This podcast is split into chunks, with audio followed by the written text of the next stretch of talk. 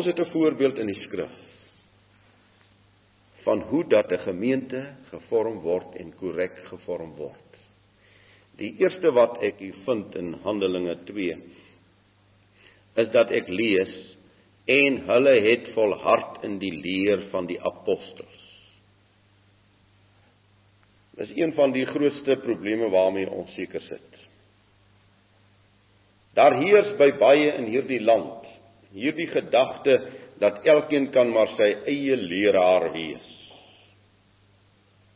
Hoekom moet hy nou 'n leraar hê? Wat wil hy met 'n leraar maak? Jy sien, dan verval die Vader se saak tot so 'n algemene menslike saak. Asof God Jahwe nie gesagsstrukture het nie. Asof hy nie 'n regeringsstelsel het nie. Asof hy nie in 'n sekere patroon werk nie. Hierdie eerste gemeente, hierdie eerste gelowige gemeente het volhard in die leer van die apostels. Kom ons kyk net 'n bietjie terug na die agtergrond. Wat ons basis skryf weer. Jy moet onthou vir baie eeue was daar nou 'n volk oor die wêreld verstrooi. Ons praat van die verbondsvolk. Hulle was verstrooi oor die wêreld. Hulle het in Jerusalem gewoon en hulle was sonder God. Hulle was sonder die Heilige Gees. Hulle het wel baie godsdienst gehad. O ja, hulle het 'n tempel gehad. Hulle het die geskrifte gehad. Hulle het baie goeders gehad, maar hulle het God nie gehad nie. Hulle het die Almagtige nie in hulle teenwoordigheid gehad nie, ondanks hulle baie godsdienst. En nou gebeur die wonder dat op Pinksterdag die Vader terugkeer deur sy Heilige Gees na sy verstrooide volk. Omdat Yeshua die verzoening aan die vloekhout gedoen het, is daar 'n volk wat weer Ami word, my volk. Wat weer my volk genoem word soos die profete sê. En hierdie volk wat nou terugkeer, moet weer terugkeer tot die waarheid en tot die werklikheid. Hulle moet weer volk word vir Jawe in die wêreld. En as u en ek dan vanmôre sê ons leef in 'n wêreld van groot verval en afval en vernietiging van die waarheid en van die vernietiging van die wette van die Vader in sy woord. En ons wil kom staan en ons wil sê, maar ons hervorm, dan moet ons dit in waaragtigheid doen. Die apostels waarvan ons hier lees, is gekies. Hulle is deur Jahwe self gekies. Hy het hulle uitgekies as sy apostels. Hy het hulle geleer, hy het hulle onderrig. Daar is selfs sulke dwaases in die wêreld wat meen dat jy kan hierdie Bybel bedien sonder enige onderrig. Dis die geklikste storie wat ek nog om my lewe gehoor het dat 'n mens hierdie dierbare Bybel kan bedien sonder onderrig, sonder agtergrond. Jy kan hom maar net gryp en dan kan jy lees en dan gaan jy aan. Dis onmoontlik. Ons sit vanmôre met uh, met mense wat geneesheere is. Die man het 'n lang pad geloop voordat hy die eerste keer gepromoveer het om 'n operasie te gaan doen.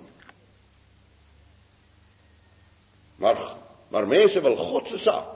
Die grootste saak wat een ek aan kan dink waarin ons ons kan bevind, dit word sommer so algemeen gemaak.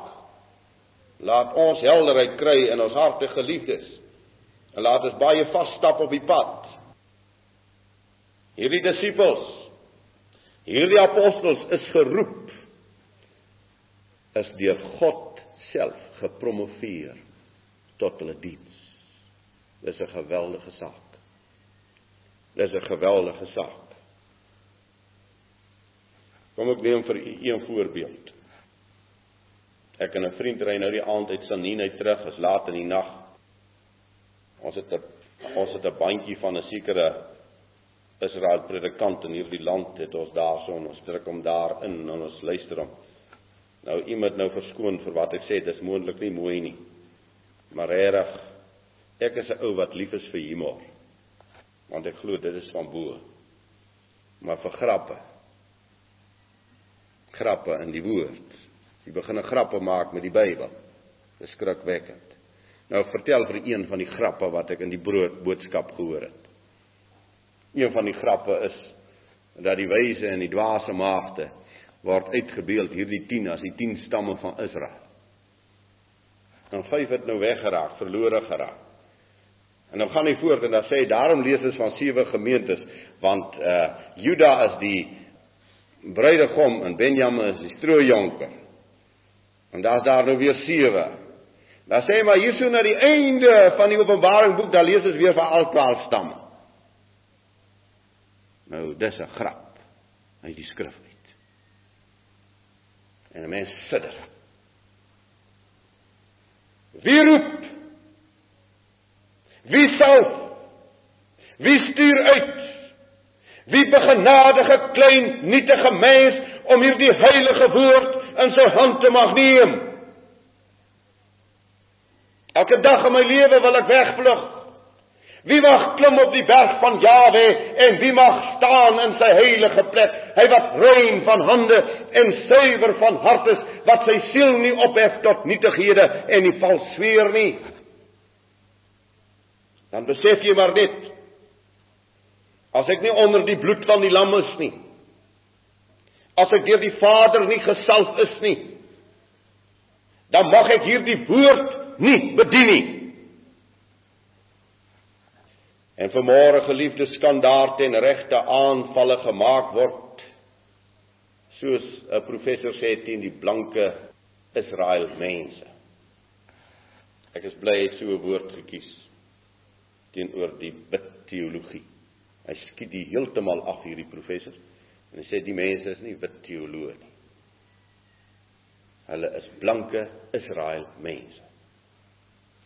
Dis 'n professor van die Hervormde Kerk. Ek is bly hy stel dit so pragtig. Ek moes dit saamgebring dat ek dit vir u gelees het. Maar ten regte kan hulle aanvalle teen ons maak, want u weet hier loop goed in hierdie land rond.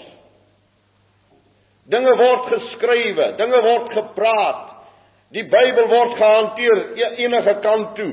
Ten regte kan hulle ons aanval en sê die mense is verdwaald. Maar u sien, as u en ek deur die Vader se genade reguit pad loop, dat daar so baie mense rondom ons wat hulle eie stories skryf. En waaragtig wat nie deur die Heilige Gees gepromoveer kan wees nie, want 'n mens kan nie die Bybel so hanteer so sommige mense dit hanteer en van God geroepe wees nie. En ek wil dit stel en ek wil dit helder stel vanmôre. 'n Gemeente sonder 'n geroepe gestuurde, die woord apostel is die Griekse woord apostello wat beteken om te stuur. 'n Gemeente wat sonder 'n gestuurde is van Jawe, is buite Jawe se wil en die geweldige dwalings wat opkom is deur hierdie selfaangestelde predikante. En dis die tragedie. En ek weet dit bly 'n groot saak. En u moet toets, geliefdes, en u moet helder toets. Wie is van Jawe gestuur en wie is gehuur? Sommige deur die kerk en dit lyk my sommige deur die duiwel. Die feit dat iemand sê ek is Israel dit sê niks as die korrektheid en die waarheid nie daarin is. Hulle het volhard in die leer van die apostels. Geliefdes, dis baie belangrik. Want waarin wil u en ek volhard? Waarin wil ons ons pad stap? Ons wil hom tog stap in die waarheid van die woord. Lees ons die prediking van die leraars in die Nuwe Testament? Dan is dit alles. Luister mooi wat ek sê. Dan is hierdie prediking van die Nuwe Testament alles wet en profesie behalwe die praktiese leringe wat hulle gegee het vir 'n gemeente.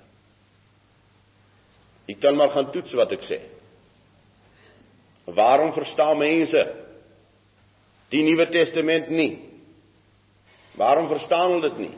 Omdat hulle nie weet wat staan in die Ou Testament nie. En waarom verstaan sommige vir Paulus nie? Omdat hulle verstaan Paulus was 'n predikant in hervorming. Daar het gemeentes oor die wêreld opgekom, oor daardie hele bestaande blanke wêreld van daardie tyd het gemeentes opgekom. En hier het 'n paar leraars gestaan wat hierdie gemeentes moet vorm en moes bou in die wil van die Vader. En soms moes hulle praktiese lering deurgee. En dit moet u raak lees in die skrif.